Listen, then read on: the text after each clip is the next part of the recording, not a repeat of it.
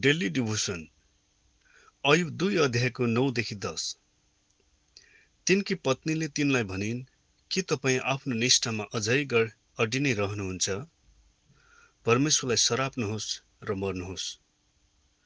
अयुबले जवाफ दिए तिमी एक मूर्ख आइमे जस्ती कुरा गर्दछौ। परमेश्वरबाट हामीले सुख चाहिँ ग्रहण गर्ने र दुःख ग्रहण नगर्ने। यी सबै कुरामा आफूले बोलेको कुरामा अयुबले पाप गरेनन्। अयुबको पुस्तकको अध्याय एकको एक र तिनले भन्दछ तिनी एक परमेश्वरको डर मान्ने सोझो निर्दोष र पूर्वका सबै मानिसहरूभन्दा महान व्यक्ति थिए। तिनी त्यस समयका अगुवा मानिसहरूको निम्ति न्याय निसाफ गर्ने व्यक्ति थिए। तिनको विश्वास अडिक छ भनेर जान्दा जान्दै परमेश्वरले तिनलाई अझ जाँच गर्नुभयो। अब तिनमा आइपरेको विपत्ति मान्छेले सहन सक्ने भन्दा धेरै हदसम्म ठुलो थियो।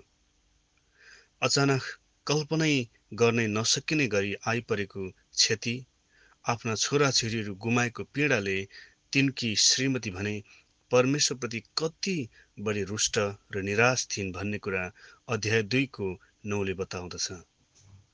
अयुबको श्रीमतीले परमेश्वरलाई सरापेर मर्नु भन्ने कुरा गर्दा अयुबले भने परमेश्वरबाट हामीले सुख चाहिँ ग्रहण गर्ने र दुःख ग्रहण नगर्ने।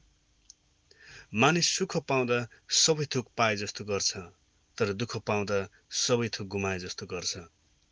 अयुबले भने यदि परमेश्वरले सुख प्रदान गर्दा खुसी भन्ने हो भने दुःखको समय पनि उहाँलाई स्वीकार गर्न पर्छ।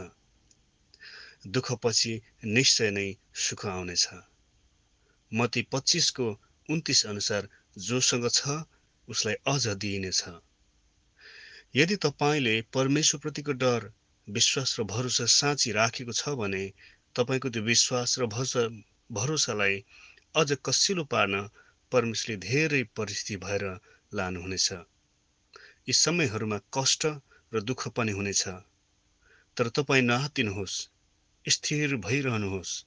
यसबाट परमेश्वरले तपाईँमा भएको विश्वास र भरोसालाई अझ बलियो पार्नुहुनेछ वृद्धि गर्नुहुनेछ। निश्चय नै तपाईँलाई सधैँ कष्टमा मात्र परमेश्वरले छोड्नुहुने छैन। पृथ्वीको शारीरिक कष्टपूर्ण बसाइपछि यसुसँगको स्वर्गीय बसाइ सुखद हुनेछ दुःखपछि सुख निश्चय नै दिइनेछ। आमेन।